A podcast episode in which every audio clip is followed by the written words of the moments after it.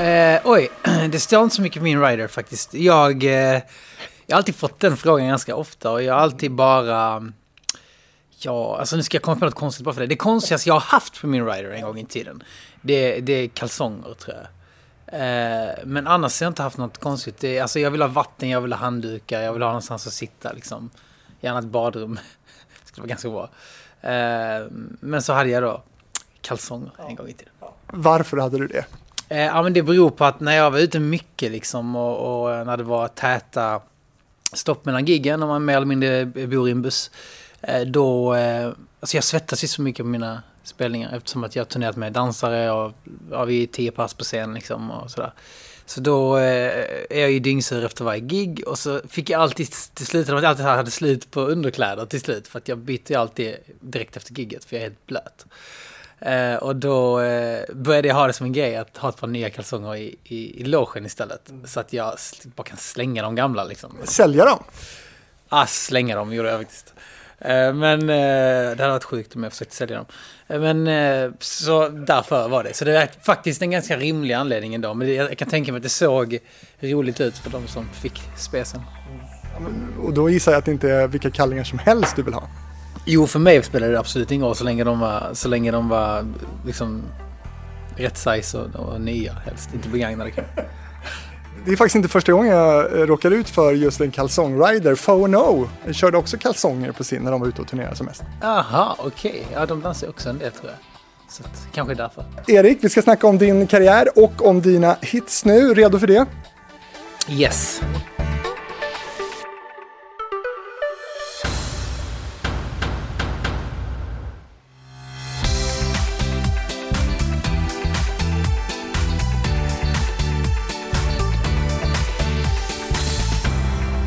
Erik, vi sitter här på Warner Music, ditt skivbolag i centrala Stockholm. Hur ofta är du här på kontoret?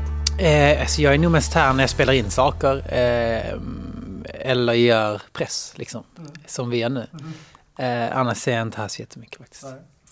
När det här avsnittet publiceras så är det lördag, eh, det är Melodifestivals final 2021 och när vi spelar in det här så är det onsdag i finalveckan. Vad är du i liksom för mode just nu? Eh, oj, eh, jag är i någon slags stresswork. Eh, jag vill bara få saker klart liksom. Jag har hållit på jättemycket med andra saker såklart också under tiden man gör eh, här, den här festivalen. Så att eh, det är en ny singel på fredag. Eh, och eh, det kräver ju sitt jobb liksom. Och sen efter det så ska nästa singel ut liksom. Och den jobbar jag redan med. Så att det blir ju liksom hela tiden att man är före sig själv. Mm. Så mitt mål har verkligen bara varit att hinna ikapp mig själv tror jag. Du är ju stor favorit på lördag. Eh, det är tio år sedan du vann med, med Popular. Eh, betyder det där jubileet något för dig? Vill du vinna extra mycket just för att det är just tio år sedan? Eh, nej, jag har nog faktiskt aldrig varit så lugn i den delen som jag är den här gången. Denna gången för mig handlade det om att komma tillbaka och Eh, släppa musik på engelska för det första, för första gången på fem år, eh, handlade det allra mest om. Eh, och att få premiära den singeln Every Minute i, i Mello var ju askul till att börja med. Sen att, eh, att få göra min grej 100% utan anpassning, det var nog det som triggade mig mest. Att göra en låt som, eh, så som jag låter 2021, mm. utan att den på något sätt men, var skriven för ett sammanhang eller framträdandet likaså är, är en story, liksom. en, typ en contemporary eh, arty dansshow nästan. Eh, som, som förklarar någonting och som är ett hantverk. Det var verkligen det jag har varit stolt över sen deltävlingen nu för att jag har fått så mycket kärlek för det. Mm. För, jag, för mig var det en chansning i det här sammanhanget där alla mest står och gör pampiga låtar och, och, och ler i, mot den röda pricken liksom. Och när jag insåg att jag inte ville göra det så, så höll jag fast vid det liksom. Och, och ville göra, skapa ett nytt uttryck. Visa vad jag är nu när jag liksom är här tio år senare. Och så fick det gå som det går liksom. Så resultatet blev liksom sekundärt på grund av det liksom. Vilken låt i finalen tycker du är bäst? Eh, jag tycker nog att Every Minute är bäst faktiskt. Ja, om, okay. Vi tar om det, om du inte får säga din egen låt. uh, Shit, vilka, nu ska jag tänka så här. Nu, jag är inte, jag, oftast är man inte själv lika insatt som alla andra är när man gör en sån här grej. För man är så fokuserad på, sin, på, sin, på sin, liksom, sitt framträdande, sin Du har ju sett dina konkurrenter i alla fall. Ja, jag har inte hört alla låtar faktiskt, men jag har ehm, hört... Jag tycker att Paul Ray har en jättefin låt. Paul gör alltid bra låtar. Ehm, han är också min skivbolagsmate här, in-house. Så Du är partisk helt klart. Men Perrelli då? Bra! Ja, Charlotte är jättebra. Alltid bra. Ja. Superproffs. Eh, Hur går det för Danny? det går bra tror jag. Jag har faktiskt pratat med henne den här veckan så att jag har ingen aning hur det går. Men jag, Jag tänker på vad du tycker om låten. Jaha, jag också, alltså så här, det är kul att vara med ett år i Mello när det är många bra. Och när det är framförallt många bra artister. Eh, Så att eh, många brukar fråga liksom vem man ser som sin största konkurrent, vilket är den löjligaste frågan man kan få. Men det är för att, och för, för mig så ser jag inte det så, för för mig ser jag det bara som att hade det inte varit en massa bra artister med, då kanske jag inte ens hade velat vara med. Det är som att ställa upp på en festival där det bara är en massa när man inte själv tycker att det är tillräckligt bra, tillräckligt bra nivå.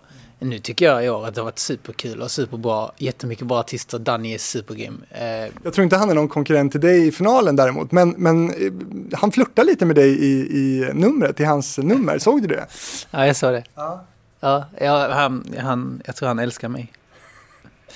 Ja varför gör han det? Jag vet inte alltså, men jag har sagt att eh, det aldrig kommer att bli något. Hur mycket han än försöker. Exakt. Men det blir ingen flört tillbaka. Alltså, de som har sett som säger, eh, ja, i, mitt, i, min, i mitt framträdande så tror jag det är svårt. Jag har svårt att få in det tror jag. Det är väldigt minimalistiskt. Jag har inga sådana här kartonger att skriva på. Annars hade jag 100% gjort det, det kan jag lova. Men vad, vad har ni för relation då? Är ni konkurrenter eller är ni polare eller vad är ni liksom? Jag tror ingen i den här branschen är konkurrenter, den är liksom nästan för liten för det. Eh, man, eh, jag, jag, tycker, jag älskar när folk backar varandra istället liksom och upp, uppar varandra, eldar på varandra. Eh, och det är den relationen jag vill ha med alla.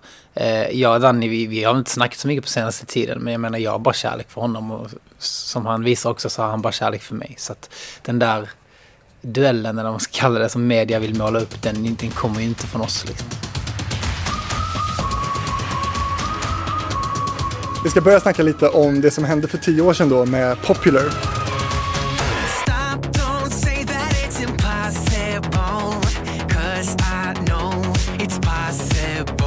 När du hör den här låten idag, vad, vad tänker du? Vad, vad händer i dig? Alltså den, den låten innehåller jättemycket fina melodier. Eh, sen är den låten också, man ska tänka på att den låten var skriven för en 19-20-åring liksom som, som eh, ja, för tio år sedan. Eh, och lä- lät väldigt mycket rent produktionsmässigt som en, ja, men som en Eurovision-låt lät då för, på den tiden. Liksom. Eh, Det har nog gått tio år man kan säga på den tiden. Liksom. Jag var där i arenan i Düsseldorf. Var det Okej, fett. Ja, det var jävligt kul. Men då lät det ju så, så när jag lyssnar på den idag då tycker jag ju bara den är helt galen. Jag tycker bara, alltså jag kan knappt lyssna på det för när refrängen kommer så bara någon diskant som bara slår en i ansiktet och allting bara exploderar. Och, och det är ju lite synd på ett sätt men så lät det ju för tio år sedan och, och, eh, och den, det är fortfarande en låt med fantastiska melodier. Det är egentligen det som är det starka i låten. Produktionen är så eh, ja, speciell då för det här, och väldigt intryckt i det här sammanhanget. Att eh, så låter ju inte musik idag eh, på det sättet alls. Eh, för det hade inte gått att lyssna på i en, i en lista på Spotify liksom. För då hade man blivit såhär boom när den låten kom. Eh, och eh, det makes sense. Eh, så att jag har väl någon slags blandad, jag skulle nästan önska ibland, vilket jag gör när jag kör live, att, det, att man fick göra om produktionen lite. För att melodierna är så jävla grymma. Så att, Det kan du ju, eller menar du att du vill gå tillbaka och ändra hur den lät då? Ja, det hade man ju velat göra. Alltså, men så kommer man ju alltid känna. Om tio år så kommer ju alla som släpper musik idag känna oj, för tio år sedan lät det så här. Sen så utvecklas man. Inte för att man, jag menar egentligen inte att man utvecklas på ett sätt där man försöker anpassa sig till nutidens musik, utan man utvecklas som artist liksom. Precis som när man tittar på bilder på sig själv. När man för tio år sedan eller för 20 år sedan så kommer man alltid tycka, hur fan såg jag ut? Eh, men så kommer det vara med musik också.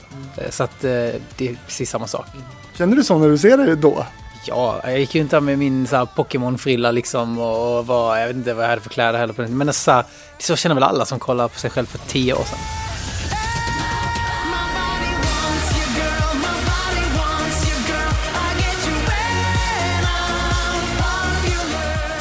Eh, och det är ju liksom det roliga med att jag har varit med ett tag. Att man känner att... Ehm, ja, man känner att man har fått göra en så lång resa att man kan kolla tillbaka ha någon slags hatkärlek till hur man såg ut, hur man, ja.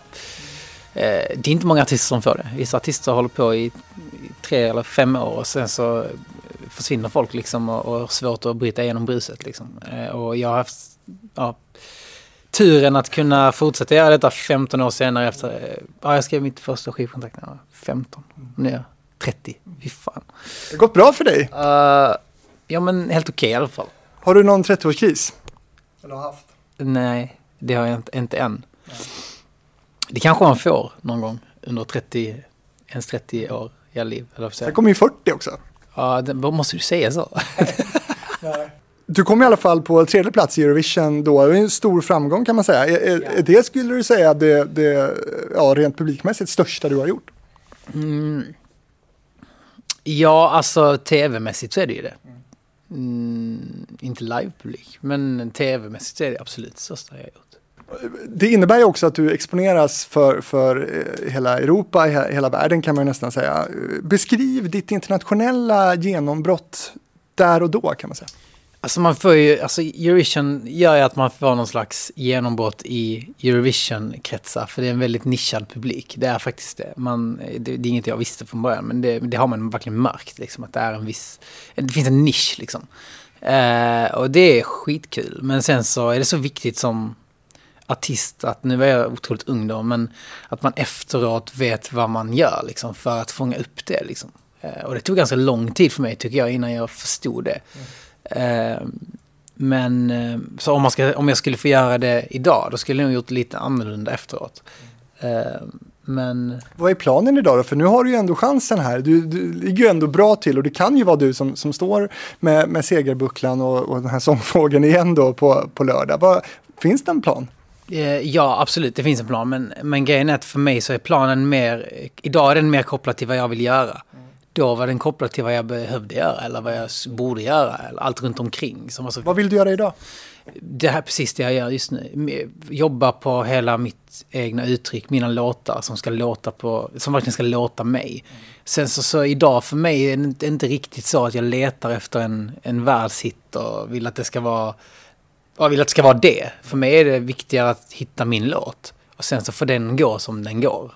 Eh, men planen med det är väl snarare att få ut den i någon slags samarbete med, med alla som jag har jobbat med. Och då, då, då innefattar ju det människor i alla olika länder. När jag har varit i Frankrike eller Tyskland eller i Ryssland eller var man än är. Liksom. Att folk ska vilja få ut min musik så som jag låter. Vilket land går Erik Saade bäst? Men det kommer ju alltid vara hemma. Jag älskar ju att vara hemma också. Så att, Förutom Sverige då. eh, oj, jag har inte släppt musik på engelska på fem år. Så jag, jag har så jävligt svårt att svara på det nu. Då. Se, alltså sist så var det Tyskland och... Eh, vad var det mest? Tyskland och Ryssland och alla de Enorma marknader.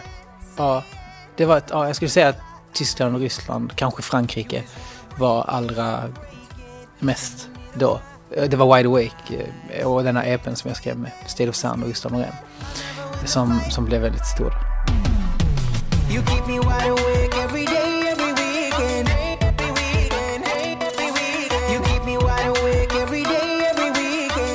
Har du marknader som du eh, längtar till eller som du gärna skulle vilja gå väldigt bra i? Tyskland är kul tycker jag. Eh, Det skulle vara jättekul att, att få deras respons på min nya musik nu. Nu har jag bara hunnit släppa en låt eh, och egentligen bara fokuserat på Sverige då eftersom att det är den här festivalen som pågår. Men sen så ska det bli kul att få den responsen och se, se hur det går där helt enkelt. Men du hade någon slags Rysslandsspelning inbokad. Jag hade det ja, Eh, men det är ju som sagt, alla, som alla vet så pågår en pandemi så att den, den blev ju såklart uppskjuten. Men du är ändå liksom aktiv internationellt och ute liksom i, i världen fortfarande. Så fort, så fort jag släpper musik på engelska så är det ju så. Nu har jag ju haft som sagt fem år och ja, två, tre av de åren höll jag på med min, mitt svenska projekt som var väldigt mycket för mig. För att jag var så här, att jag ville skriva på svenska. Jag tyckte det var väldigt kul. Uh, jag gjorde så mycket bättre däremellan. Och, är det att spela då, säger vi, i Ryssland och som du var på väg till då? Eh, Ryssland är väldigt speciellt. Eh, jag har ändå en kärlek till hur det är där borta. För Speciellt på vilket sätt? Nej men typ för publiken, jag tycker de, de är helt galna liksom. De, de älskar ju musik på ett sätt som... Jag vet inte hur jag ska förklara det här. Det, det är lite som att gå tillbaka i 20 år i tiden i Sverige. När musik inte var så lättillgängligt som det är nu med streaming. Um, nu streamar de ju där också. De har ganska nyligen fått Spotify i Ryssland. Uh, men uh, det var lite, det var lite den känslan då, i alla fall 2016 när jag turnerade med den EPn. Uh, eh, att vara i Ryssland. Att det var som att vara i Sverige för 20 år sedan när musik inte var lika lättillgängligt. Så folk älskade verkligen musiken. Det var inget lätt man bara satte på på Spotify. Liksom. Det var, Hur märkte du det? Ja, men som sagt, på reaktionen från publik och hur, hur dedikerade de var till att liksom sjunga med i låtar eller alltså verkligen, ja, men de var där liksom, väldigt, eh, vad säger man, väldigt eh, engagerade. Närvarande. Närvarande, exakt. Jag tänkte vi ska backa bandet lite nu. Eh, Jag träffade nyligen Robin Stjernberg och gjorde ett eh, avsnitt av Hitfabriken också som man kan lyssna på, som du också kan lyssna på kanske. Vi snackar lite om WhatsApp i det avsnittet. Och du var den första som lämnade WhatsApp. Varför då? Eh, nej men, shit, ska jag komma ihåg saker? Det här var då 15 år sedan, ungefär, 6, var det, 14 år sedan gammal. Eh, eh, eh, då, eh, men vi hade ju ett, ett band tillsammans, jag och Robin. Eh, och eh, det var kul, det var verkligen en lärorik tid. Liksom. Vi fick jobba i studio för första gången, vi var 14, 15, 16 år gamla. Ish. Det gick snabbt. Det gick väldigt snabbt. Eh, och eh, samtidigt jobbade jag med Disney Channel på den tiden. Jag fick, liksom, fick chansen att jobba med Disney Channel i Skandinavien.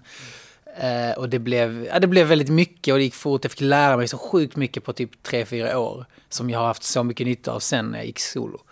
Eh, det som hände sen var väl egentligen att jag hade andra ambitioner, liksom, tror jag. Eh, och kände alltid så. Jag ville verkligen jobba, jobba, jobba, jobba. Jag var, kanske inte var så mycket en vanlig eh, tonåring. Jag var väl mer intresserad av att bara jobba. Och det funkar inte alltid liksom. Jag, för min del så var det... Jag, jag minns att jag ville göra saker som ingen annan ville göra för man vill, man, de vill inte lägga tid på det. Som vad? Nej men det kunde vara allt ifrån att eh, träna till ett performance liksom, eller vad det än var. Så kände jag alltid att, att jag ville mer. Du hade större ambitioner. Ja, ehm, tror jag i alla fall. Alltså det kan ju inte jag på rak arm svara på om jag hade, men så kändes det. Eh, och eh, det slutade med att jag fick ett erbjudande helt enkelt om att köra själv. Eh, och väldigt många som var intresserade av mig efter hela Disney Channel-tiden sådär, i branschen då. Eh, och då kände jag såklart att jag var tvungen att ta det och ta det steget. Men innan vi lämnar WhatsApp, berätta om din favoritlåt med WhatsApp. Wow! Eh, jag tror faktiskt att det är en, att det är en jättesmörig låt, men den har så fina melodier. Uh, den heter Such a Fool. I was such a fool, I can't deny it. Didn't even say I'm sorry. Such a fool, I didn't mean it. Vilken tror du Robin valde? Eh, Stone Cold Sober. If I told you once. Ah, ja, den är bra. It takes two, baby, you should know. Come on, it was not only you who started it. Hur mycket kontakt har ni då? I, ni som var med i, i den gruppen? För det var ju inte bara du och Robin. Nej, nej exakt. Men jag, jag och Robin har ju haft en del kontakt såklart. Eh, vi är också de två som är aktiva i musikbranschen. Eh, så, men vi, vi har, jag har faktiskt inte sett honom på länge. Han har väl varit i USA en del och sånt på senaste tiden. Så att, Nashville.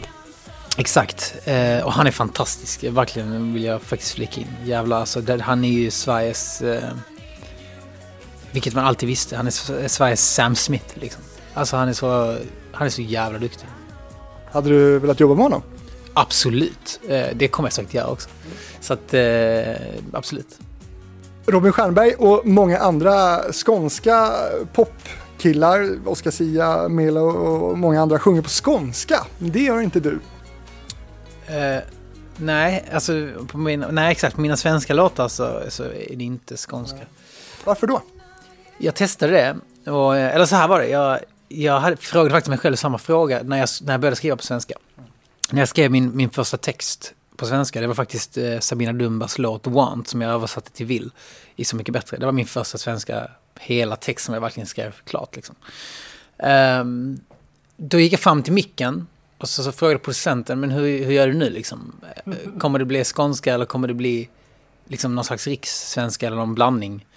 Då sa jag till honom så här, men jag, jag måste bara få sjunga. Bara se vad som kommer ut. Och då blir det det som kommer ut. Som är. Jag vet inte ens vad det är. För man lyssnar på det så det är inte, det är absolut inte stockholmska och det är inte skånska. Det, det är någon slags, jag vet inte vad det är. Jag tror dialekt har- försvinner ju lätt när man sjunger. Eh, Det är liksom likadant på engelska liksom.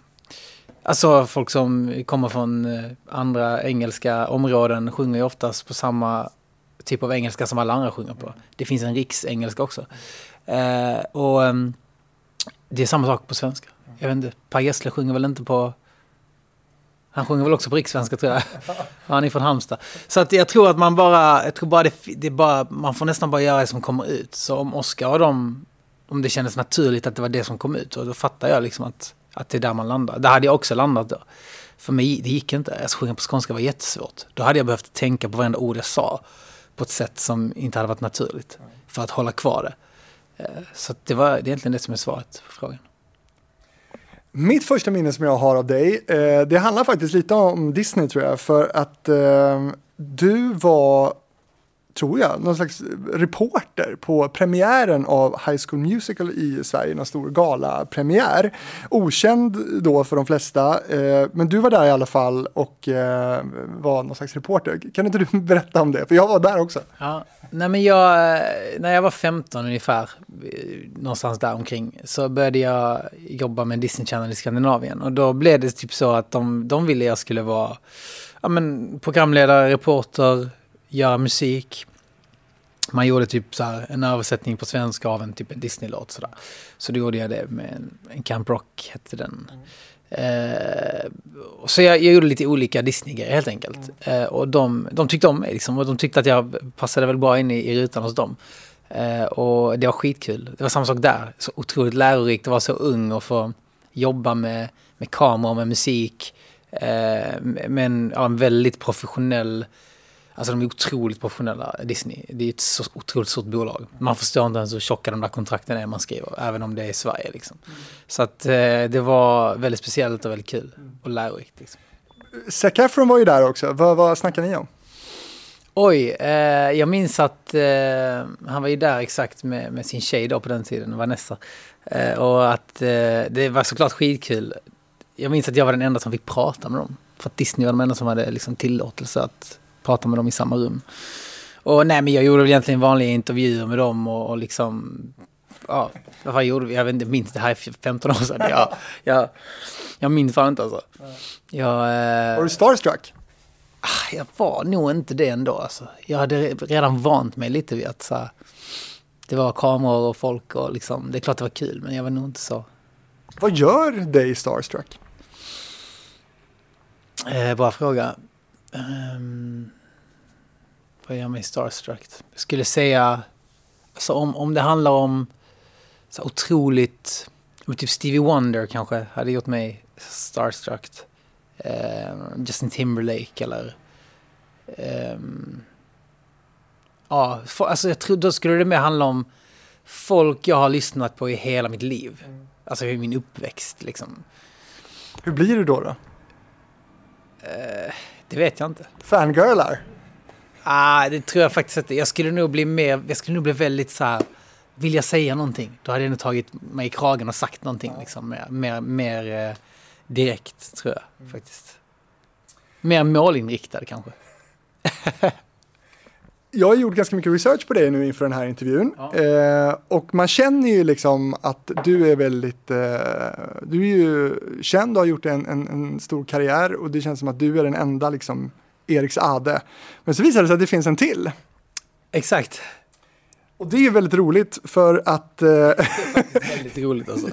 För han heter ju Eriks Ade eh, med exakt samma stavning eh, som du. Ni är ungefär lika gamla eh, och är dessutom ganska lika med den skillnaden då att han bor i, i Västerbotten och ni har träffats. Exakt. Jag bjöd in honom till, jag hade en konsert på Annexet 2012 eller någonting, så det är ganska länge sedan.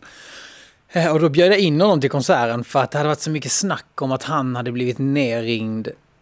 Eh, folk hade trott att han var jag då.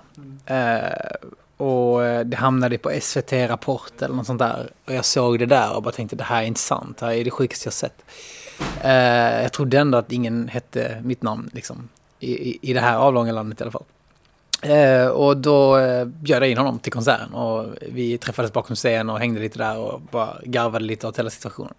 Så det var, det var fett kul. Det måste ju vara konstigt ändå att inte vara Erik Saade och ändå då vara det och presentera sig som Erik Saade. Ja, ja, alltså jag kan bara tänka mig för han, speciellt då när jag ja, två år tidigare hade fått ett kommersiellt eh, genombrott och då var det ganska galet liksom. Det var så nytt. Så det måste ha varit en omställning för han också tror jag. Vad snackar ni om? Eh, och jag minns inte, jag- vi snackade om att han, jag mig att han pluggade till polis eller någonting. Eh, och att eh, vi snackade om det. Och att vi mm, tyckte det var kul att vi var så lika. För vi var faktiskt ganska lika. Alltså, det, han var inte helt olik mig. Jag minns, alltså, Jag ska lägga upp en bild på er, för det har ju tagits bilder på er. Jag ska lägga upp den på Hitfabrikens Instagram så får man se. Gå in där och kika på hur, hur lik Erik Saade och Erik Saade är. Och ni är inte släkt ju. nej, inte vad vi vet i alla fall. Inget DNA-test gjordes inte. Nej, men det kan man göra idag ganska enkelt. Så kanske vi ska göra. På tal om research då, eh, det första som man får upp ofta när man googlar vad som helst i princip, det är ju en Wikipedia-sida. Ja. Hur bra koll har du på din Wikipedia-sida? Jag har noll koll på den kan jag lova dig. Varför då? Nej, för att jag inte har läst den. Är den inte lite viktig? Liksom? Eh, eh, you tell me, är den det? Men Eftersom det är det första man får upp ofta när man gör en googling så är ju Wikipedia, är det inte bra att det står rätt där? Kanske det. Alltså shit, jag tror man eh, som... Ja, desto mer fokuserad på musik man blir, eh, desto mindre fokuserad på allt runt omkring blir man. Det, det är typ Warner, de får läsa det då. Eh, de här som jobbar med allt det där runt omkring. Eh, för jag har, nej, jag har inte tänkt på den på några år tror jag. För när jag gick in där så reagerade jag ju då på en sån enkel sak som att alla dina plattor finns till exempel inte med. Däremot så finns det information om din senaste flickvän till exempel. Ja, ja, men det är väl lite typiskt också i, i den här sociala media skvallervärlden vi lever i. Vi lever i en jävligt skev värld typ. Där liksom, jag tror alla har väl det problemet lite som, som är offentliga personer. Att allt det privata blir mer göttigt och götta ner sig för folk för det är privat. Eh, så det finns, det lite mer spännande än att gå ut brett med ett album. Eh, det är klart att visst det är väl det folk lyssnar på men det är inte det folk vill prata om. Vilket är synd. Eh, att, eh, men ännu en gång som jag sa tidigare i, i avsnittet att musik har blivit så lättillgängligt. Att det är liksom ingen, det finns ingen, det är ganska icke-exklusivt på, på det sättet som det var back in the days. När man verkligen hade ett fysiskt album och man saknade den tiden lite. För då pratade folk om det. Om hela bukletten, hur det såg ut. Man pratade om allt liksom. Låttexterna som stod i den. Alltså, nu är det inte så. Då måste man hitta något annat att prata om. Men eh, på tal om texter och, och booklets och, och det här med eh, skvaller och privatliv då. Jag tänkte prata med dig om någonting som jag kallar för privatlivsparadoxen i ditt fall. Är du bekväm med liksom den här eh, offentligheten som ditt då självvalda jobb ändå för med sig? Alltså, jag brukar säga så här, jag är ganska... Alla som känner mig och är liksom nära mig och vet vem jag är som privatperson säger alltid samma sak. Jag får alltid höra att jag är, den, jag är den blyga i rummet, jag är den som inte tar någon plats. Jag sitter gärna nere på hörnet och inte i mitten liksom. Eh, och jag vet att jag är så för att jag tycker inte om fokuset. Jag tycker inte om det alls. Eh, men så fort någon sätter en mikrofon i handen på mig, då är det som att hela jag förändras. Då, finns, då har jag, den där mikrofonen är min trygghet. Då kan jag, ställa mig, då kan jag ta över hela rummet. Eh, så är jag. Eh, och jag vet inte varför det är så. Jag har varit så sedan jag var liten. Liksom. Så jag har alltid känt mig som det svarta fåret. Men jag har alltid, så fort jag får en mikrofon i handen, blivit raka motsatsen. Eh, men när det gäller privat då så tycker jag det viktiga för mig det är alltid att man själv får bestämma så fort det kommer till privat. Att lägga upp saker på sin Instagram och dela med sig av saker. Jag har blivit mycket bättre på det. Jag bryr mig inte så mycket längre om att där Förr i tiden fick ingen fota i mitt vardagsrum om någon var hemma hos mig. Då var det att lägga undan mobilerna. För att jag tyckte det var så läskigt att folk skulle veta var jag bodde. Och det fanns en sån här, det kröp lite i mig när jag tänkte att alla skulle veta hur det ser ut hemma hos mig. Men det, det har jag liksom, nu bryr jag mig inte längre. Och så länge jag får kontrollera det, så länge jag får lägga upp den bilden eller bestämma eh, vad som ska komma ut på mina sociala medier som sen då blir offentligt. Då är det fine. Det jobbiga tycker jag det är när, det är när medier gräver. När medier måste ställa massa frågor. När det blir liksom, när det inte blir jag längre. När det sätts en rubrik på, som jag inte bestämmer. Då blir det, då tycker jag inte att det är okej. liksom. då, då pratar jag hellre bara om musik eller, eller något som är relevant för vad jag sysslar med. Liksom. Det är det som är paradoxen här tänker jag, när, när du säger att du gärna pratar om musik eftersom att, för jag har ju läst mycket om att, att du har sagt att det är viktigt för dig att hålla det privata eh, privat. Men du skriver och gör musik väldigt mycket om ditt privatliv. Hur går det ihop liksom? Ja, men så här, det är väl också en, en väldigt bra fråga. För att alltså, musik, jag tror alla gör det. Alltså musik, det måste ju komma från hjärtat. Det måste komma av inspiration av någonting. Det är inte påhittade stories oftast. Eh, och ehm, det är också det som gör musik bra. Men det är ju mitt sätt att prata om det. Det är, liksom, det är musik. Precis som att en annan människa målar tavlor eller eh, tar bilder eller skriver i en blogg. Eh, så det är min, min låttext, det är mitt, precis det. Det är min konstform.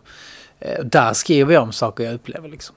Så att, eh, och då, då, jag pratar jättegärna om det då, alltså om den här låten. Och liksom, utan att avslöja för mycket, för det tråkiga är om du avslutar slutet på en film. Det vill du inte heller göra. Eh, så att, men, ehm, men det, jag tycker det är en jävla skillnad på, på det och det som jag syftar på när jag menar att liksom medier vill gräva i ens privatliv. Liksom. Jag skriver inte i en låt hur, hur stor min lägenhet är, liksom, eller, vad som, eller vilken adress jag bor på. Eller vilken, alltså det, är inte, det är inte riktigt samma sak, tror jag.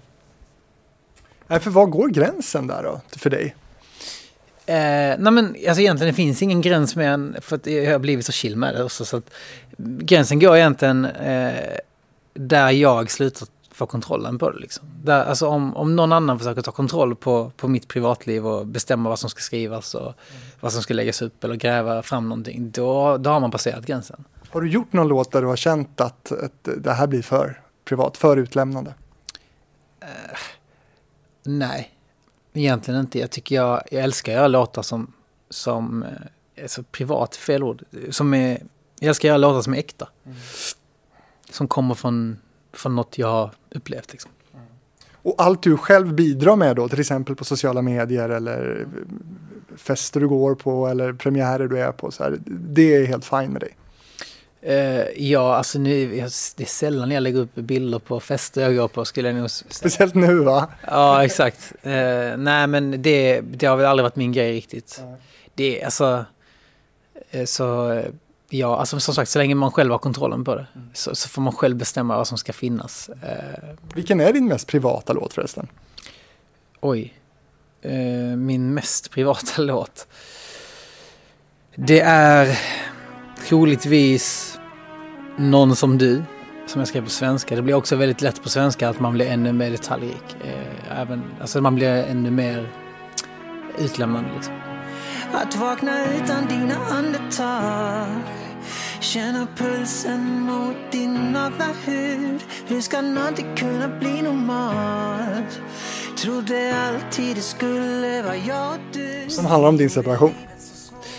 Ja, eller som handlar om eh, ja, separationen. Men, men den handlar liksom om, om det fina med det egentligen. Det är en jävligt fin låt, det får man inte glömma. Folk eh, liksom vill gärna tro att det är värsta eh, breakup-låten. Liksom. Men den har ju en, så här, en väldigt fin mening. Det är nästan en hyllningslåt. Hade exakt. jag aldrig vetat om hur kärlek känns så som nu Tänk om jag Vad lyssnar du på egentligen? Jag älskar soul, funk, pop. Det, de tre i ett. Typ Dannys låt i Mello. Ja, exakt, exakt, exakt så. Eh, nej men, och det är väl för att jag har lyssnat så mycket på Stevie. Jag har lyssnat på såklart Michael som man har växt upp med liksom. Men lyssnar du, du drar på Michael liksom på morgonen när du går upp och käkar frukost? Typ. Nej, det gör jag inte. Nu för tiden lyssnar jag inte på musik så mycket.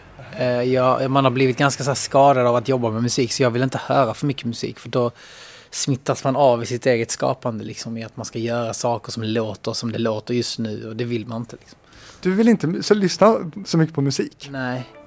Alltså jag sätter gärna på, alltså om, om frågan är vad jag sätter på på morgonen då är det hellre så här instrumentala låtar liksom. Instrumentala pianolåtar. Eh. Vi ligger nakna kvar i sängen nu och sjunger gamla hits från förr Om du ligger naken i sängen och sjunger gamla hits från förr, vilka är det då? Eh, oj. Då är det 90-talsmusik. Älskar 90-talsmusik. Kommer alltid älska det. För mig är liksom Dennis Pop och Max Martin, eh, det är liksom, ja, det, det är det bästa vi har. Bästa låten av dem då?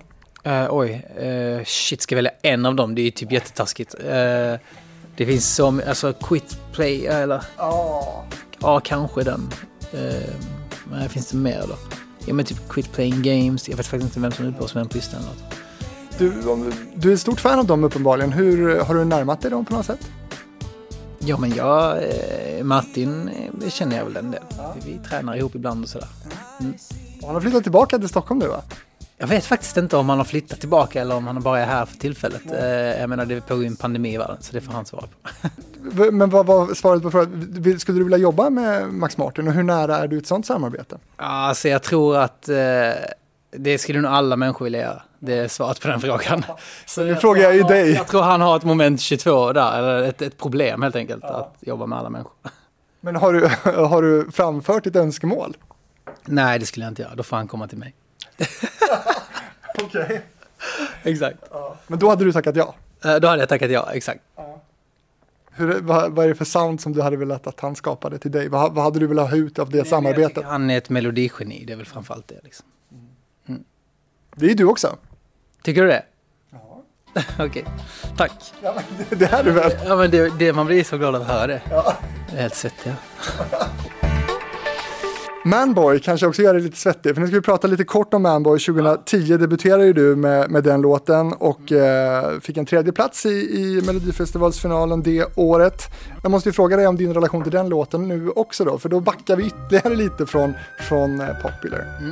Jag kommer alltid älska den låten, för den har ju betytt så jävla mycket för mig.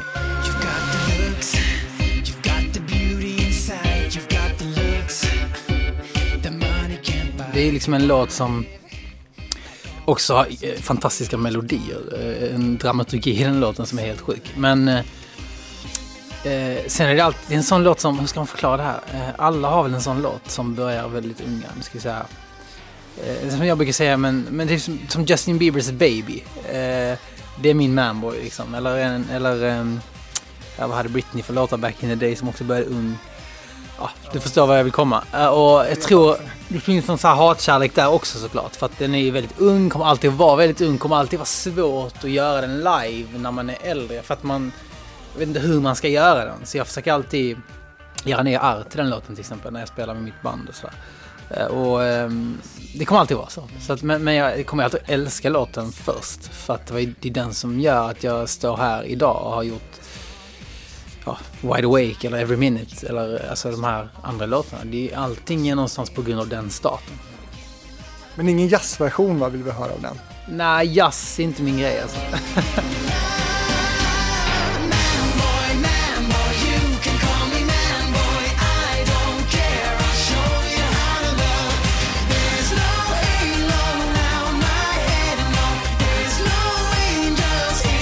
Någonting som eh, ditt jobb för med sig också, det är ju någon slags, eh, ja, den här branschen är ganska ytlig liksom. Jag tänkte vi skulle prata om, om ytligheten i, i den här branschen. Eh, du får ju en del uppmärksamhet för ditt yttre. Eh, hur, hur ser du på det, liksom den här objektifieringen av dig? Um, jag vet inte, jag, jag tror inte jag har tänkt så jättemycket på objektifieringen av mig då, som, du kallar det. Uh, men... Alltså, Men alltså tjejer får den här frågan hela tiden. Det är ju rimligt att du också ska få den tycker jag. Ja, det kan det vara. Eh, ja, alltså jag vet inte. Jag, man, vad säger folk om mig då? Eller jag vet liksom inte det riktigt. Det når aldrig dig liksom. Nej, eller så inte mer än att man, folk kommenterar på ens bilder liksom. I så fall. Men alltså det är väl, alltså om folk tycker att man ser bra ut eller att man eh, har ett nice yttre så är väl det positivt. För jag antar. Jag är inte den som gottar ner mig så mycket av det. Det kanske inte betyder lika mycket för mig dock. Jag blir inte lika glad av att höra det. Som jag blir av att höra wow vilken låt du släppte eller shit vad fint framträdande du gjorde. Alltså det, det rör ju mig mer. Eh, Eftersom att jag jobbar med den konstformen. Att, att någon säger att jag ser bra eller dålig ut, det rör mig liksom inte. Vad tycker du själv? Tycker du själv att du är snygg? Alltså när jag var, när jag var 18 bast så var jag säkert snygg. Eh, Men det är väl de flesta, höll jag på att säga. Eh, Då, men eh, nej, jag tycker, jag tycker väl inte att det är min starka sida. Det tycker jag inte. Har du, när du har så dåliga dagar och t- tittar dig själv i spegeln. Har du en dålig dag idag? Jag ser helt nyvaken ut. Det är så man ser ut alltså när man är, har en dålig dag. Men eh, alla har ju sådana dagar. Va, va, vad har, du, har du någon så här, eh, vad tycker du då när du har en sån dålig dag? Vad klankar du ner på dig själv? Så jag är jag är mest runt i typ mössa och, och eh, ett joggingställ typ. eh, Lite för stora kläder typ. Så att jag, jag ehm, då är det ganska lätt, eller vad man ska säga. Då behöver man inte stå och fixa sig. liksom. Man drar på sig mössan och en hoodie och så är man klar. Eh, Det är värre för folk som, som ska klä upp sig då och har en dålig dag. Då, då är det jobbigt. Vad är det mest fåfänga du gör? Det mest fåfänga. Ehm. oj, vad är... eh, kanske... ehm, att när jag väl ska klä upp mig så, så testar jag alltid så här tre, fyra outfits. För att jag, har sån, jag får ganska lätt så här klädångest. kan många känna igen sig. Ja, det kan säkert många känna till. Har du massa krämer och grejer som du använder? Nej, men alltså min tjej håller på att tjata om det där hela tiden. Alltså, hon tycker att jag ska använda typ tre, fyra olika krämer innan jag lägger mig och grejer. Jag vet inte vad hennes peak med det är, men någonting är det i alla fall. Nattkräm. Ja, exakt. Hon är rädd att jag börjar få rynkor och sånt, men det, Är hon rädd för det? jag vet inte, det verkar ju så. Hon tjatar ju om de här krämerna hela tiden, så jag får väl anta det. Och din respons är kallsinnigt nej då eller? Min respons är att jag orkar inte. Eh, Jag tycker inte att eh, den tiden jag ska lägga på att smörja in mitt ansikte är så viktig för mig. Det vara skönt kanske. Ja, alltså hon har säkert rätt. Jag, jag tvivlar inte på det. Hon har ju mer koll på det där än jag. Ska vi prata mer musik nu? Ja, det kan vi göra. En av de låtarna som jag gillar allra mest med dig, det är den här. Feels like I'm caught in a time. Yeah, we're showing love is a crime. Yeah. Du gjorde ett sjukt snyggt nummer av den här låten i X-Factor som fick en säsong i Sverige. Eh, berätta om, om den här låten. Alltså Marching är så kul att du säger det faktiskt. För att det är nog en av mina absoluta favoritlåtar. Som inte, jag tycker inte den fick tillräckligt mycket ljus i Sverige. Eh, vilket är lite synd. Den, den blev liksom större i Norge än i Sverige typ, till och med. Eh, vilket var jättekonstigt. Eh, men jag skrev den i Norge också, kanske var därför. Eh, men ja, den låten är... Alltså, hur ska jag förklara den låten? Den är... De melodierna är ju, kan vara de så här pampigaste melodierna jag någonsin har skrivit. För de är verkligen, de slår en i ansiktet liksom. Eh, på ett sätt som är helt sjukt. Eh, och eh, sen så eh, är texten jättefin. Den är verkligen, det är en fin låt i en sån perfekt jävla popkostym. Eh, på något sätt. Ehm, så svårt att förklara musik med ord.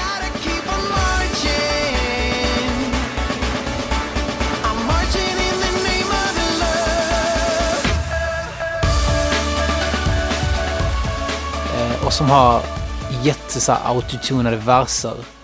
Eh, som gör att allt kommer fram ännu lättare liksom. Det där framträdandet som du nämnde i, i ehm, X-Factor, exakt, det var också det är samma sak där. Visst, jag var, jag var ung och jag, jag, jag minns att jag hade en jävla metalljacka på mig. Eh, Som blänkte lite dotter-style va? ja, exakt. På den tiden var det coolt. Hur gammal var jag? Där? Jag kan ha varit 22, 23 kanske. 23 kanske. Eh, men eh, då... Eh, det framträdandet är faktiskt lite inspiration fortfarande till det jag gör i, i, i Mello i år. Och för det, det coola med det framträdandet det var just att jag, jag, typ, jag var på scen med, jag vet inte hur många det var, men kanske tio skuggor. Och i, i Every Minute har jag ju en skugga bakom mig. Som bara är liksom en skugga. Som, Väldigt lorenskt av dig. Ja, fast jag gjorde ju det här redan då, 2012 eller vad det var. Eh, så eh, det följde faktiskt med till Every Minute. Eh, så om du kollar på Every Minute och kollar på hur, hur eh, Kenny som, som dansar med mig ser ut så ser, så ser du att vi har snott kläderna från Marching. Så att eh, det är faktiskt kuriosa, säger man så? Kul som jag tror ingen hade tänkt på annars. Eh, och det var från det, det var därifrån jag fick idén. Faktiskt, från det framträdandet. För det var jävligt coolt. Det, det framträdandet var väldigt eh, kul att göra. Eh, och, jag, och så ännu en gång, men den låten fick inte tillräckligt mycket space i Sverige. Jag vet inte varför faktiskt. Du är grym på nummer. Ett annat eh, performance på en annan scen, det är den här låten. Melodifestivalen 2015, popsaxen är framme. Exakt.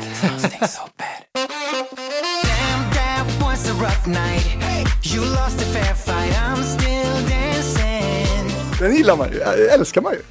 ja, absolut. Ja, saxofon är väl ett, eh, ett av de mest underbara instrumenten som finns, speciellt i glada låtar. Liksom.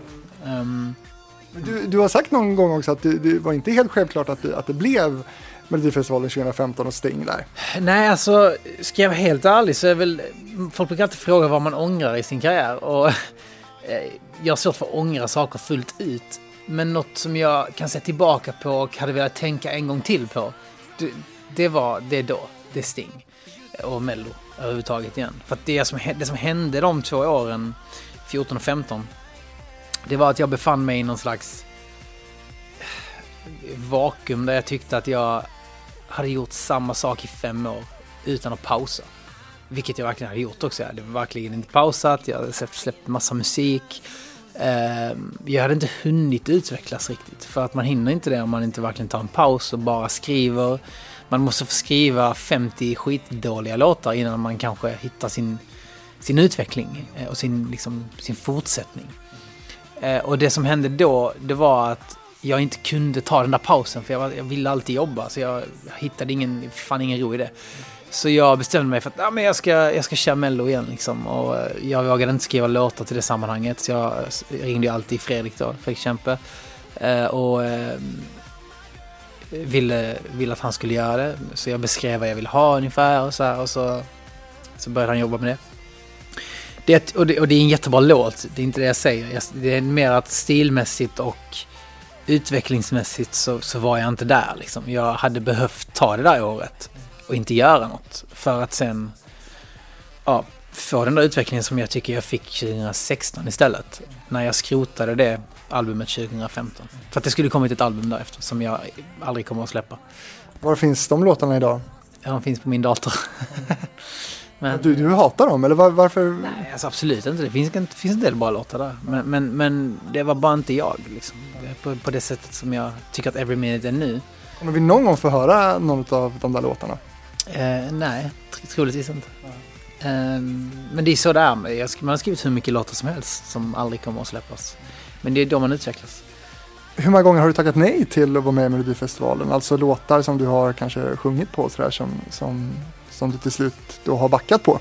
Mm, jag har aldrig sjungit på några låtar som jag inte har varit med med. Eh, eller, ja, jo en, men det var i samma år som jag var med. Eh, för då spelade jag in två demos. Men eh, annars, nej det har jag aldrig gjort. Vad var det för demo? Headlines hette den. Som, eh, det var ju, ja det måste ju ha varit 2010. ja. Då, det var ju första gången. Men eh, annars har jag inte gjort... Som Alcazar gjorde sen ska vi säga också. Mm, exakt. Eh, Som de inte heller är så nöjda med att de gjorde tror jag. Och då får man lyssna på Hitfabriken med, med Tess Merkel, hon pratar mer om det tror jag. nej, men, Men du blir femma 2015 ändå, men rätt låt vann det året va? ja, herregud. Det var, Heroes var ju superbra liksom. Och, alltså skillnaden där var också verkligen, han hade ju tagit den här pausen och verkligen, det känns som att han hade hittat någonting liksom som var spännande. Eh, och eh, det var ju det jag behövde göra egentligen. Eh, vilket jag året efter gjorde, då verkligen. När jag bytte, slängde albumet, bytte ut alla jag jobbade med på något sätt och började jobba med nya spännande människor som utvecklade mig, som fick mig att kliva ur min comfort zone. Eh, det, jag skulle säga att det året har gett mig absolut mest rent, alltså som låtskrivare och musiker. Så har det 2016 varit mitt favoritår i min karriär. Liksom. I need adrenaline to cover all my sins. Back to be crazy, back to be crazy. Här är vi någonstans i det här häradet som du berättade om. Du, du hittar hem här på något sätt va? Absolut. Eh, det var, och det var för att jag hade varit i det här spacet, jag behövde det här året att liksom inte göra något tror jag, bara fundera över vad jag höll på med. Eh, jobba med människor som inte anpassade sig efter mig utan som tvingade mig att gå en annan väg. It's around like one million pills in my mind. I can feel my slowly coming to life. take another sip from this trip, drink it up. I need to recover from black and white to colors. Colors, eh, det, var en, det, fanns en gammal demo på Colors som eh, Viktor eh, och Joakim hade börjat skriva på som kallade sig State of Sound. Eh, och ehm, de spelade upp den för mig. Det var, alltså, det var ingen färdig låt. Det var en gammal demo av någonting. Och jag gillade de här melodierna på refrängen. Eh, så vi snodde några av de melodierna och så gjorde vi en helt ny låt tillsammans. Eh, och eh, det blev Colors. Och sen så började vi leka med syntar, vi började leka med det här, det är ganska så här 80-talsinfluerad pop skulle jag säga. Jag, tycker, jag brukar faktiskt skämta lite om att när The Weeknd släppte ja, sitt senaste som verkligen är 80s så brukar jag tänka så här, shit jag lät ju så 2016 med Colors. Eh, så jag tycker det är lite roligt. Eh, för jag tycker verkligen att Colors är en, en fantastisk låt som satt, var starten för mig på det projektet. Det var den första låten vi skrev också i, i studion. Ibland kan jag sakna eh, det här pure pop eh, Erik ibland och då kan man lyssna på, på den här låten. Every step Innan alla samarbetade med Astrid S var det var som jobbade med Tone Damli, bland annat du. Ja, exakt. Berätta om Imagine. Eh, Ja men Imagine, uh, ska vi säga, just ja. Eh, Imagine den skrev vi någon gång 2012 och det började med att jag egentligen skrev en, alltså jag skulle skriva en låt till Tone. Eh, hon var väldigt stor i Norge då och liksom skulle ha liksom en ny singel. Så jag och Jason Gill och Julie Marr och Leslie tror jag faktiskt, Leslie Tay, skrev eh, Imagine. Och skulle ge den till Tone alltså. Men så slut, jag sjöng på demon då och så bara slutade det med att så här, fan det här låter ganska bra. Vi borde kanske sjunga den här ihop. Eh, och så blev det så. Så det var egentligen från början bara tanken att jag skulle skriva låten. Så vi, vi sjöng den ihop och den blev ju typ Norges mest spelade låt. Den gick jättebra i Sverige. Det blev ju skitkul att den blev så stor liksom.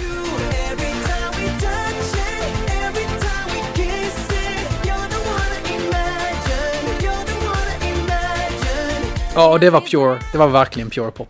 Det var ju tonepop egentligen som vi skrev den för då. Sommarpop, Kan- du sakna det soundet också ibland? Ja, och det soundet är inte så långt borta egentligen. Om man tänker på att det är en sån här arpeggio-bas och rak trumma. Eh, det, är inte, det är inte så långt ifrån eh, ja, men Colors eller vi- alltså vilken låt som helst egentligen. Det är lite annan kostym, lite annan, ja, lite annat sound. Eh, lite smörigare melodier möjligen. Vi ska fortsätta snacka musik, men eh, du är också någon slags eh, hardcore business eh. Du eh, älskar att driva företag och du är uppe sju på morgnarna och, och jobbar hårt. Eh, ja, eh, det stämmer faktiskt. Jag, jag tycker det är, alltså, jag brukar säga att eh, musik är som tortyr för själen. För att när man skriver musik så tömmer man sig på inspiration. Man måste hela tiden ja, men, tömma allt man har i sitt förråd för att få in din låt, melodier, text. Så skulle jag jobba med musik året runt, sitta i studion varje dag som vissa människor gör, då skulle jag gå på tomgång till slut. Jag skulle inte, jag skulle inte fixa det. Och det kom jag på, det var faktiskt då, 2016, eller 15, som jag verkligen ins, insåg det. Att jag kan inte jobba så här. Jag måste göra någonting annat och sen så måste jag skriva lite musik och sen måste jag göra något annat igen. Och så måste jag skriva musiken. Eh, och eh, då började jag inse att jag vill, vill göra andra saker. Så då började jag starta lite företag och ja, lägga tid på annat helt enkelt. Jag har kikat lite på din bolagsportfölj och den skvallrar ju då om att du är intresserad av eh, business och, och pengar också tror jag. Eh, Kan du säga, Intresserad, det är sjukt. Ja. är det inte det? Jag, jag men alltså, det är väl jättebra om man... eh, Det vore ju tråkigt om man inte kunde leva på det man gör. Flyttsmart Sverige AB, där är du st- styrelseordförande och det är själv, för att du själv har flyttat så många gånger vad jag förstår. Mm, nej, det är inte riktigt därför kanske. Men jag, eh, det är ett företag som... eh, Vi har byggt en digital flyttplattform helt enkelt. Eh, Vad hjälper den oss med? Att flytta.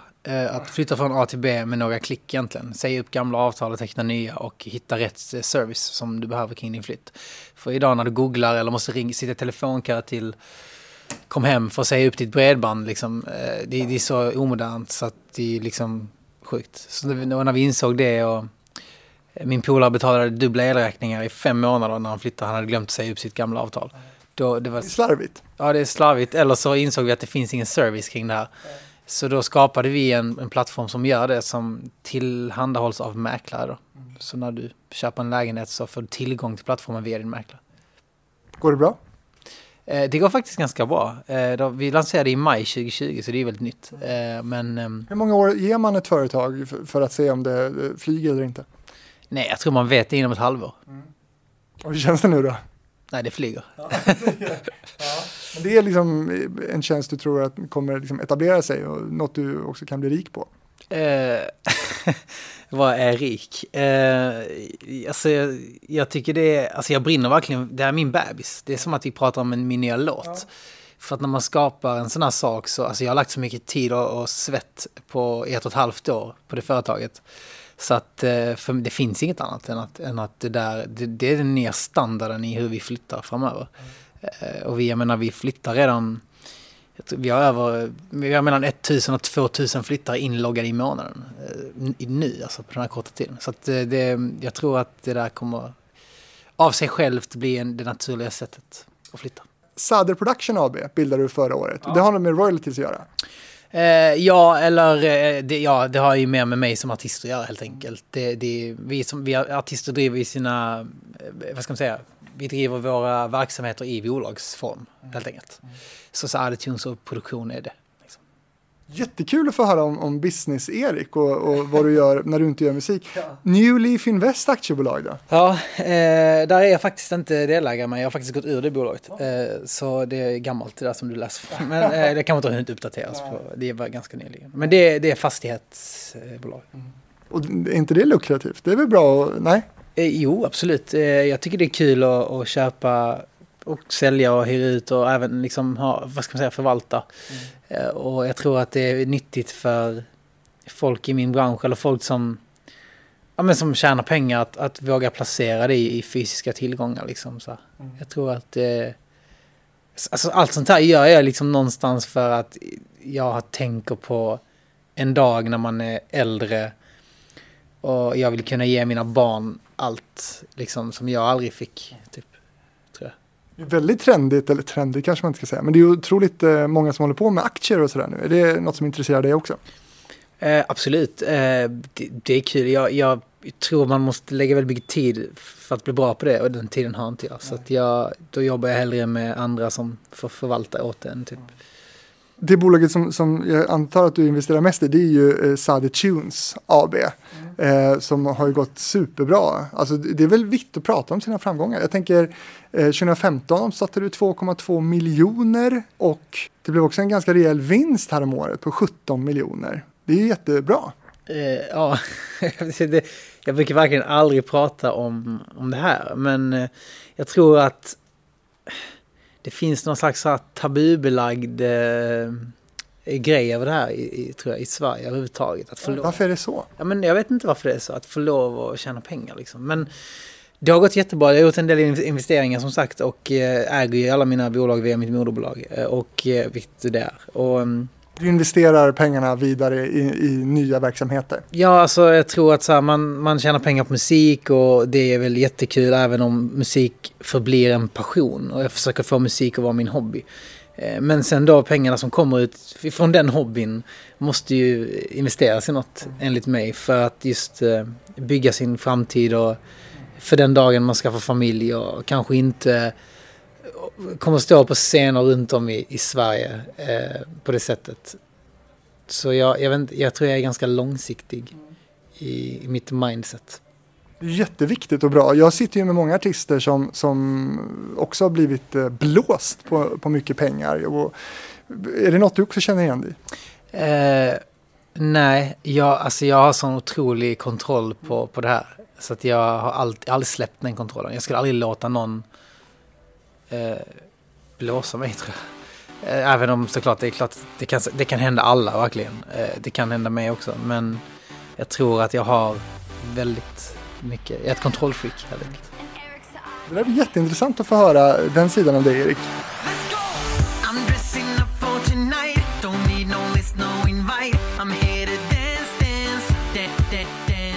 Den här låten är också en, en sån skön poppärla tycker jag, Hotter than Fire. Eh, är det någon av dina gamla låtar som du har gjort slut med? Oj. Mm, ehm, alltså, de flesta låtarna på mitt första album, när jag var 19 då. Masquerade. Exakt. Jag tycker liksom att det, det är liksom alldeles för mycket dåliga, dåliga låtar på det albumet. Det är liksom, Är det skämmigt tycker du då? nej, det är en del av processen. Jag tror alla artister ännu en gång kommer känna så när de är tio år senare att man, man tittar tillbaka på vissa saker man har gjort och tycker wow, nej det där var inte så jättebra. Eh, Men, och det albumet tycker jag, det är egentligen inget jättebra album. Jag tror många kommer alltid ha en relation till det som har följt med eftersom att det var det första som kom. Många kommer alltid att älska Masquerade, låten Masquerade. Och, men för mig så, nej, det är, det är inte speciellt bra. Liksom, helt enkelt. Men finns det låtar som du liksom aldrig skulle uppträda med igen så? Absolut. Men Hotter than Fire är bra. Den är fantastisk. Den kommer jag aldrig göra slut med. Det är faktiskt en av mina favoritlåtar som jag någonsin har skrivit tror jag. Eh, den är liksom, alltså melody-wise och även produktionsmässigt då, när den släpptes 2012. eh, Den, den var så då, den var så perfekt för då.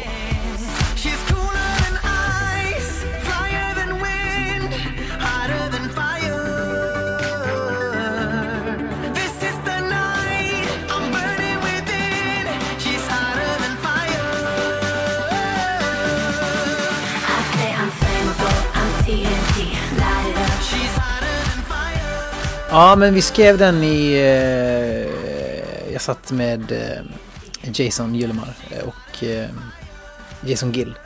Och eh, vi skrev... Eh, vi skrev den med i åtanke att någon skulle vara feature på den då. Och Dev eh, som var väldigt het i LA då. Hon hade gjort den här Fly like a G6. Like a G6 om någon minns den låten. Ehm, Nej, det var ingen gjorde. och eh, då, då skrev vi den här och det är därför jag sjunger, la- jag, det är ganska konstig text för jag sjunger eh, Cooler than ice, flyer than wind, you're hotter than fire. Det är en massa metaforer. Men flyer than wind, det är inget man kan säga. Det, det sjunger jag faktiskt bara för att, som en flört till Devs, Fly like a G6. I'm feeling fly, you're flyer than wind. Så det var egentligen det som var flörten där. Det, det minns jag väldigt tydligt. Att vi, vi garvade lite åt det men så sa vi det är så här popmusik ska vara. Man, det, det är precis de här raderna som är så viktiga. Eh, som inte makes sense riktigt men som ändå är rätt. Liksom. Så att eh, när man hittar de små guldkornen då, då blir jag stolt. Hur tänker du när du väljer skivbolag? Eh, jag utgår egentligen alltid från att alla är lika dåliga. Sen så, eh, så tänker jag så här, det handlar om att hitta människor man vill jobba med. För att om man tänker skivbolag idag, de är där som ett... De är ditt nät, typ, kan man väl säga. Ditt nätverk, ditt, eh, din bank också. Eh, eftersom att de finansierar ju liksom det man gör. Eh, och tar risken egentligen. Eh, om man nu inte vill ta risken själv och starta ett eget bolag. Ehm, så det utgår jag alltid ifrån. Eh, Varför är alla lika dåliga? Eh, Nej, men för att man kan inte räkna med att det är skivbolaget som ska lösa någonting. Eh, som det kanske funkade mer back in the days. Nu är allt, alltså nu, vi lever i fast fashion, fast musik som släpps dagligen liksom. Eh, content, digital content, allting är så fast. Att, att eh, man måste ta den kontrollen helt själv. Eh, och eh, därför så utgår jag från det. Och, och då handlar det mer om att hitta rätt människor. Så med det sagt så, så människorna som jag jobbar med på Warner är ju människor jag tycker om att jobba med. Så det, det är inte Warner i sig eller om det hade hetat Sony eller om det hade hetat något annat som är viktigt. Det är människan man jobbar med som är viktig. Vad är det för människa här som du då eh, tycker är så viktig? Caroline? Som sitter här bredvid. Exakt. Eh, nej men och, eh, och, eh, och Robert som jag jobbar tajtast med här liksom. Supernatural Robert för de som drar den referensen. Jävlar, det hade jag förträngt. Just det. det var back in the days på riktigt liksom. Och hur ser ditt avtal ut då? Har du liksom ett x antal plattor du ska göra på ditt skivbolag eller hur funkar det? Eh, alltså, jag har ju, man signar ju sådana non-disclosure så att jag kan inte berätta det för dig för då måste jag döda dig. Jobbigt. Ja, det ska vara skitjobbigt. Det är ungefär så det funkar va? Att man signar upp på ett visst antal släpp eller sådär. Eh, ja, exakt. Eh, och, ja, man för, förhandlar liksom sitt egna avtal och alla avtal ser säkert jätteolika ut. Eh, helt enkelt. Men är du en sån som vill ha så få eh, album per skivbolag eh, för att du ska kunna vara fri och kunna gå vidare? Eller vad, är det viktigt för dig att kunna ha en väldigt långsiktig plan med ditt skivbolag? Jag tycker om långsiktiga planer, verkligen. Man måste liksom investera en massa tid och pengar och eh, eh, känslor i ett projekt över lång tid för att någonting ska flyga, tror jag. Ehm, sen så det där med att kunna vara fri handlar nog mer om att om, om man inte diggar att jobba ihop med de här människorna, då måste man kunna gå vidare utan att det är ett problem, utan att man blir låst i x antal år liksom, av ens ganska korta liv. Liksom. Ehm, så, Det har ju hänt vissa också ju. Exakt, och det är ju hemskt. Så att det handlar nog mer om det eh, än någonting annat.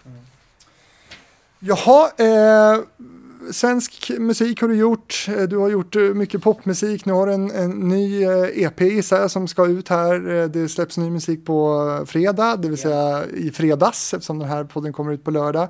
Eh, vad tänker du, har du någon, eller nej, jag vet att du har någon slags femårsplan, vad du vill vara om fem år. Vad vill du vara då? Ah, det nu tog vi från tårna. Alltså femårsplan har jag nog inte riktigt. eh, Det går lite för fort nu för tiden för det. Men jag, nej men min, min enda plan nu det är att fortsätta släppa musik eh, i det här spåret så som det låter nu och på engelska eh, ett tag i alla fall. Sen tycker jag inte om att låsa mig. Jag tycker verkligen det är kul nu att få kunna släppa både på svenska och på engelska. Så vem vet, eh, i, i, näst, nästa låt kanske är på svenska liksom. Eh, Men eh, i grund och botten handlar det om att jag vill omfamna allt det där som jag omfamnade 2016 och sen tog en liten paus ifrån. Så att ehm, det är min enda plan. Eh, att eh, få ut mycket musik, mycket content, mycket av allt som jag som många har saknat att jag skapade. För då. Jag har fått höra i fem års tid nu, när ska du släppa nästa på engelska, när ska du... Ja, så att för mig är det egentligen bara det som är fokuset. Vart det bär av om fem år eller vart jag landar om fem år, det, det, jag, jag bryr mig faktiskt inte. Jag, det har blivit mindre viktigt. Gör en, en kvalificerad men realistisk gissning nu då på hur det går. Vem är det som står som vinnare i Melodifestivalen 2021? Ja, men på riktigt nu alltså. Ah, man vill inte svara på sådana frågor för det blir, kan ju bli så fel. Men jag... eh, Men eller så rätt. Alltså, jag vill ju verkligen att någon som eh, kan eh, liksom göra ett avtryck i Europa ska få åka till Europa. Mycket för Christers skull. För att Christer är en av de stora anledningarna till att jag är med i år. Eh, och att jag fick chansen från början. Eh, så, eh, och jag, jag tycker ju att, det, min, min känsla är att jag har gått utanför boxen och gjort något som, som kommer att sticka ut vart du än skulle placera det. Det spelar ingen roll om det hade varit i Eurovision eller i ett annat sammanhang. Och um, därför så vill jag tro att jag skulle kunna göra det. Så jag, jag, jag kan inte säga någonting annat än att jag skulle låta som en för tråkig människa om jag sa någon annan. Liksom, tror jag. Jag, måste få, jag, jag måste få tro att, eh, att jag skulle kunna vinna på, på lördag. Erik Saade, vi har snackat mer än en timme nu om din eh, karriär och din musik. Hur var den här upplevelsen för dig? Ja men det var bra, det har varit lite snurrigt. Det har varit så här, eh, jag, jag, men det har varit kul. Bra snurrigt eller dåligt snurrigt? Ja men det har väl varit bra. Jag tycker vi har täckt så många delar liksom. Eh, Du som lyssnar på det här, har du frågor eller förslag på gäster du vill att jag ska träffa, in och skriv på fabrikspost at gmail.com och gå framförallt in på eh, Hitfabriken på Instagram och Facebook. Där ska jag nu pressa Erik på lite snabbfrågor. Och innan vi slutar, då ska vi, eller du ska få bjuda på din helt nya singel Day and Night. Eh, Och det här är ju, jag har ju hört den, superbra. Det är i, i samma härad som Every Minute. Ja, i alla fall lite grann. Men den här låten har en, för mig, jävligt djup mening faktiskt. Eh, för den handlar väldigt mycket om att så här, man har gjort saker man inte är stolt över back in the days. Eh, Och så har man... Vad då för någonting? Eh, jag, det, om jag, det skulle ta en hel podd till om vi skulle rabbla upp skit. Något exempel kan du ge ändå. Nej men när man har gett eh, fingret åt människor, inte varit så trevlig som man tycker man borde vara, man är ung och dum, tar dumma beslut. Black car pulling up in town. Looking lucky, got something to get a rush. I've been overboard since I was just a boy. I did things that I'm not proud of anymore.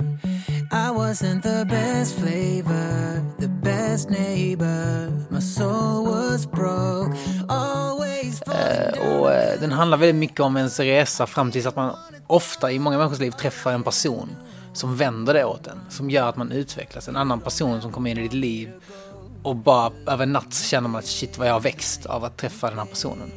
Eh, det handlar Day and Night om. Så eh, textmässigt betyder den väldigt mycket, eh, den här singeln. När skrevs den? Den skrevs, det var ganska nyligen. Den skrevs, ehm, ja shit vad kan det vara? En, en och en halv, en och en halv månad sedan. Var skrevs den? Den skrevs i Stockholm på Northbound Studios. Har du studio hemma också? Eh, ja, jag har en liten setup hemma som jag, där jag brukar sitta och tänka mest liksom innan jag tar med det till fabriken eller vad man ska säga. Hitfabriken. Till hitfabriken, exakt. På nya låten då? Eh, Ska jag få på den? Kul. Ja men då, hur låter man nu nu för tiden? Eh, Så här kommer Day and Night med Erik Saade. Tack för att du var med. Tack! yeah. one